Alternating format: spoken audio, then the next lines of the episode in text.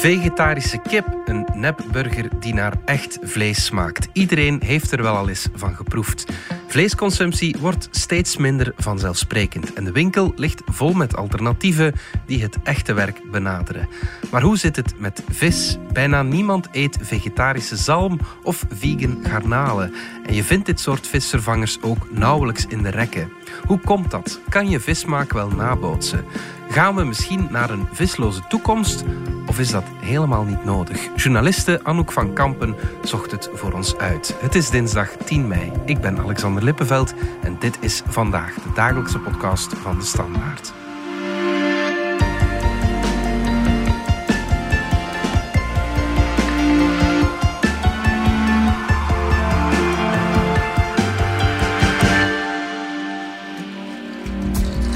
Anouk van Kampen maakte een ronde van Vlaanderen langs verschillende supermarkten om visvervangers te kopen.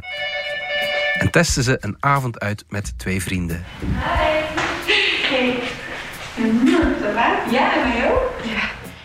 Ehm, dus we hebben inktvisringen. Ja. Dan hebben we visstick. Zalmfilet, zo gezegd. Dit is dus eh, sashimi, tonijn en zalm. En dan hebben we hier nog twee soorten eh tonijn. Er zijn dus al enkele visvervangers beschikbaar in de supermarkt, maar erg bekend zijn die nog niet. Zelfs niet bij overheidsinstellingen die het eetgedrag van de Vlaming analyseren. In de data die beschikbaar is in Statistiek Vlaanderen of aan Vlam, zien we dat zij visvervangers als dusdanig nog niet als een aparte categorie vinden. Hendrik Slabbink is professor aan de Universiteit van Gent en doet onderzoek naar consumentengedrag.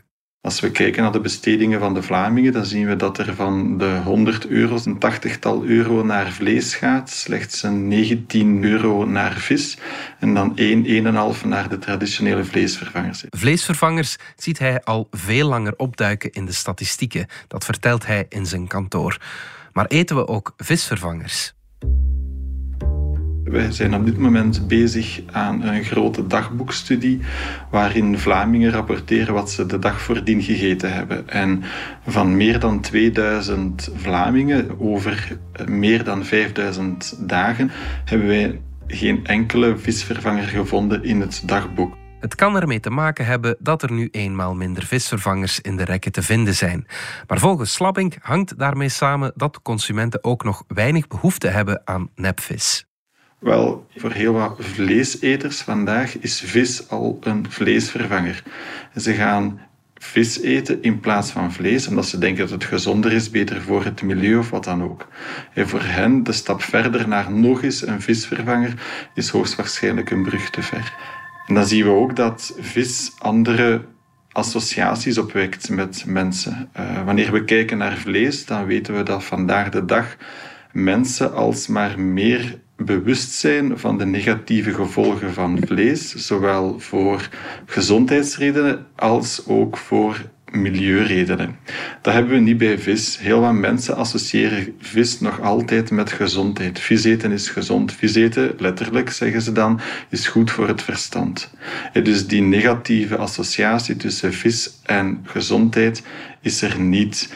Wat moeilijker maakt eigenlijk om vis uit ons dieet te gaan schrappen. Dus vis staat er in vergelijking met vlees moeilijker voor eh, om vervangen te worden door andere nieuwe plantaardige producten, zeg maar. Je zei net, de, associatie met gezondheid uh, is er meer bij vis. Is dat terecht, die associatie? Wel, dat is een moeilijke vraag. Er is niet een eenduidig antwoord op. Het hangt enerzijds af van het soort vis. Sommige vissen die zijn gevoeliger voor het opnemen van zware metalen, wat uiteraard zeer slecht is voor menselijke gezondheid. Anderzijds uh, is er nu de heel grote onzekerheid wat de invloed van de microplastics is op onze gezondheid. En microplastiek zitten alsmaar meer in, uh, in vissen door onze slechte zorg die we dragen voor, voor het milieu. Maar als categorie globaal of gemiddeld genomen mag je wel stellen dat vis gezonder is dan vlees. Gezonder, maar daarom niet heel gezond. Te veel vis eten is zeker niet, uh, niet goed voor onze gezondheid. Vis is dus niet zo gezond als we vaak denken. Maar er is nog iets wat ervoor zorgt dat mensen minder geneigd zijn van vis af te stappen dan van vlees. Dierenleed speelt minder mee voor vissen. Enerzijds is er heel wat minder media-aandacht. Ehm, en anderzijds is het ook zo dat de aaibaarheidsfactor van uh, vissen heel wat minder is. En dat maakt dat mensen ook minder gehecht zijn aan vis. Ook zien we minder vissen in het dagelijks leven dan, dan gewone dieren, wat ook de ja, letterlijk de band met vissen veel minder maakt. Eh, hierdoor is het voor ons makkelijker om vissen te slachten of vissen te consumeren. Volgens chef-kok Pieter-Jan Lind is het niet terecht dat we minder meeleven met vis. Ik was zelf een fervent vleeseter tien jaar geleden. Maar inmiddels is hij een zevental jaar bezig met plantaardige voeding. Geen vlees, geen vis, geen zuivel. Zijn vegan restaurant Amarant opende onlangs. Net als vlees is vis... Een zeer gevoelig wezen. Dat heeft ook een zeer gevoelig zenuwstelsel. Probeer maar eens een vis vast te houden, dan ga je zien dat hij daarop reageert. Dat hij uit je handen wil. En de visvangst zoals die nu gaat, vormt bovendien een aanslag op het milieu, dat zegt hij. We maken een heel groot ecosysteem kapot. Boten die gaan met sleepnetten over de zeebodem. Die zeebodem wordt omgewoeld, omgeploegd. Een ecosysteem ook onder water hangt aan elkaar. Je hebt plankton, je hebt eencellige algen, je hebt zeewier. Die trekken we mee met die scheepnetten. Ondertussen wordt er gevist op één type, of, of op makreel of op kabeljauw. Er is heel veel bijvangst bij. Eh, denk aan dolfijnen, zeehonden die daartussen komen, uh, uh, haaien, dieren die dan minder voor consumptie uh, vatbaar zijn. Maar de hoeveelheid dieren die we uit de zee halen, ten opzichte van de monden die we moeten daarmee voeden, of die we daarmee willen voeden, ook dat is een probleem. De oceanen zelf hebben de tijd niet om te herstellen, om, om die hoeveelheid vis opnieuw in die plaats te krijgen. Zolang dat we die niet even rust laten, blijven we in die disbalans zitten.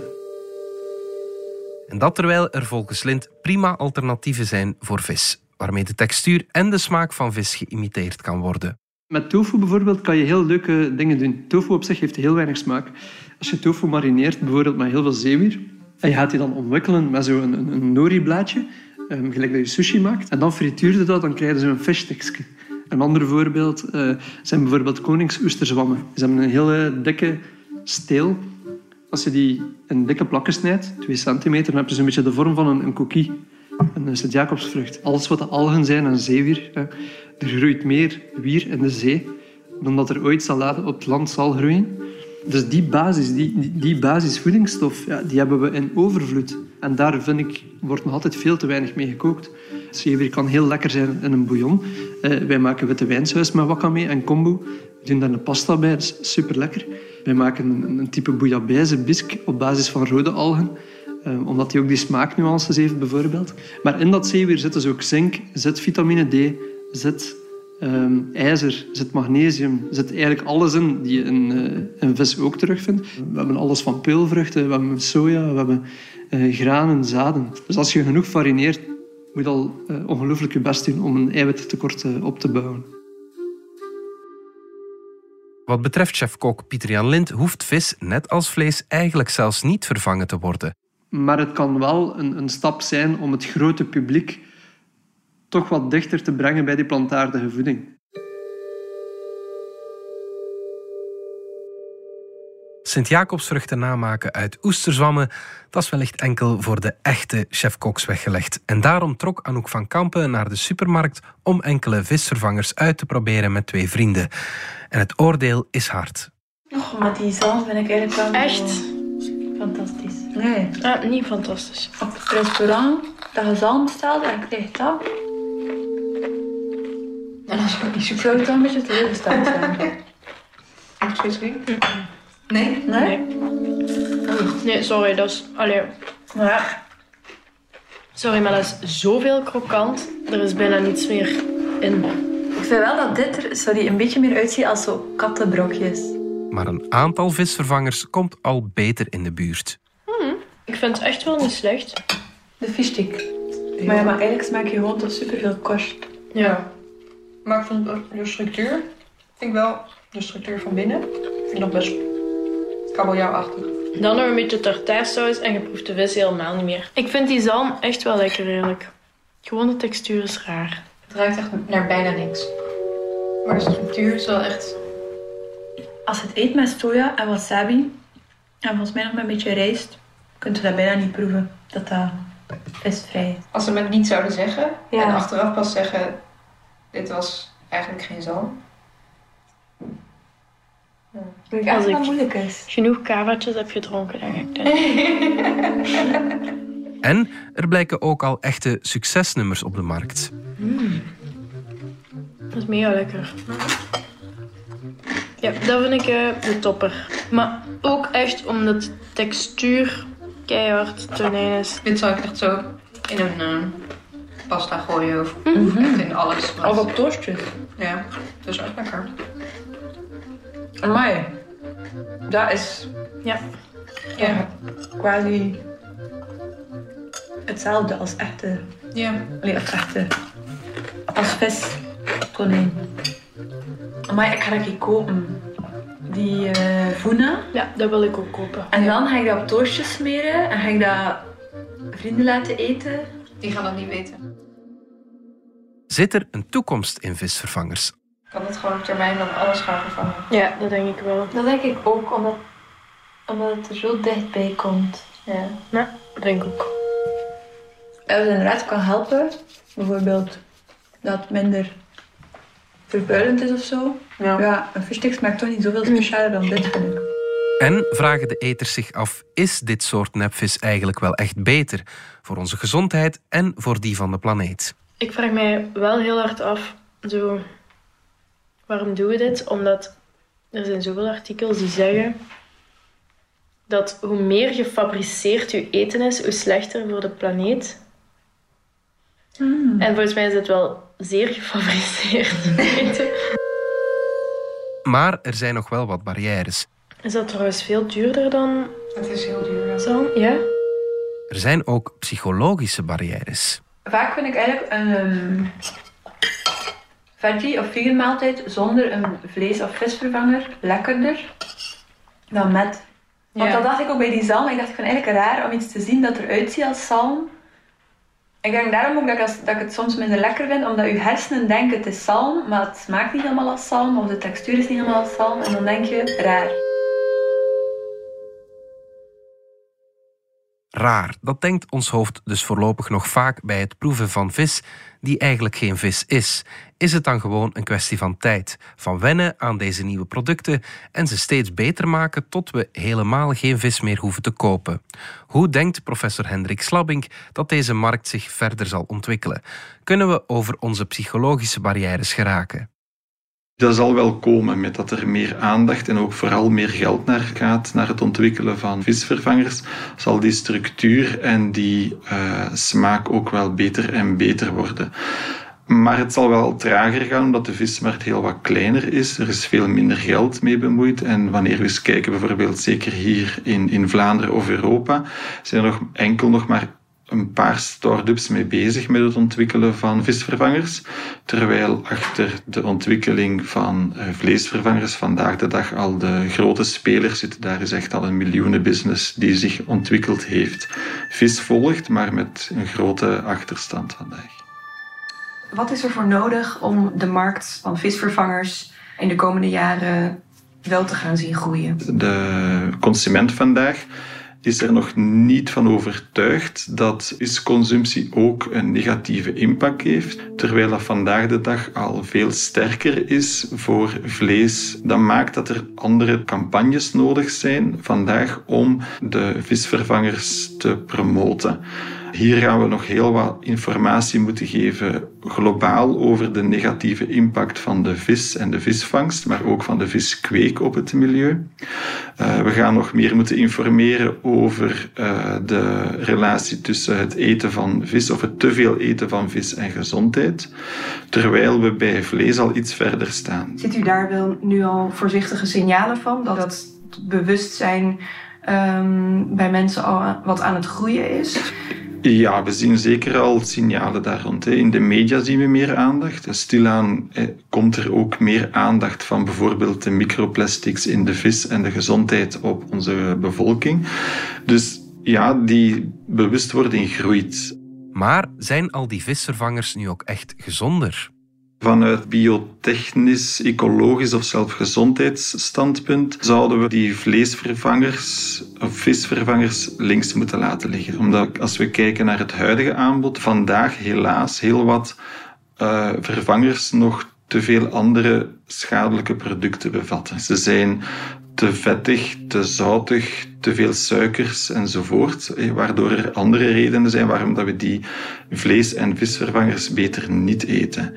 Nu, dat heeft niks te maken met het feit dat die veel of weinig bewerkt zijn, die producten. Uh, ook heel sterk bewerkte producten kunnen zeer gezond zijn. Alleen is de industrie vandaag ja, nog niet voldoende geëvalueerd dat ze, wanneer ze nieuwe producten op de markt brengen, direct ook oog hebben voor en gezond en uh, duurzaam.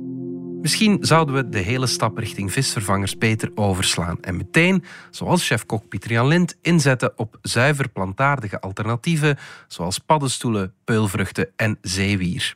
Maar dat lijkt nog twee stappen te ver, denkt professor Slabink. Vanuit consumentenstandpunt dan zouden we toch beter die tussenweg via de imitatieproducten, imitatievis gaan bewandelen.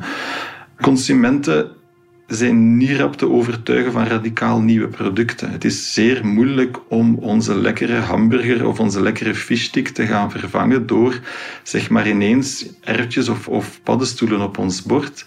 En dan is de tussenweg via de imitatieproducten, vis- en vleesvervangers, een goede strategie. Zo leren we stapsgewijs dat we de dierlijke producten misschien niet nodig zijn en leren we ook stapsgewijs nieuwe ingrediënten, nieuwe producten kennen, waardoor we ja, stilaan toch gaan evolueren naar een, een meer plantaardig dieet. En mogelijk, dus eh, koffie die kijken, binnen 1, 2 generaties hebben we ook die imitatieproducten niet meer nodig en kunnen we het volledig doen met uh, plantaardige, zuivere producten. Maar ja, dat neemt tijd. En het grote probleem of het grote vraagstuk is: hebben we die tijd nog? Hebben we die meer radicale shift niet nodig? Um, maar daar zijn ook ja, verschillende antwoorden en meningen over. Hè.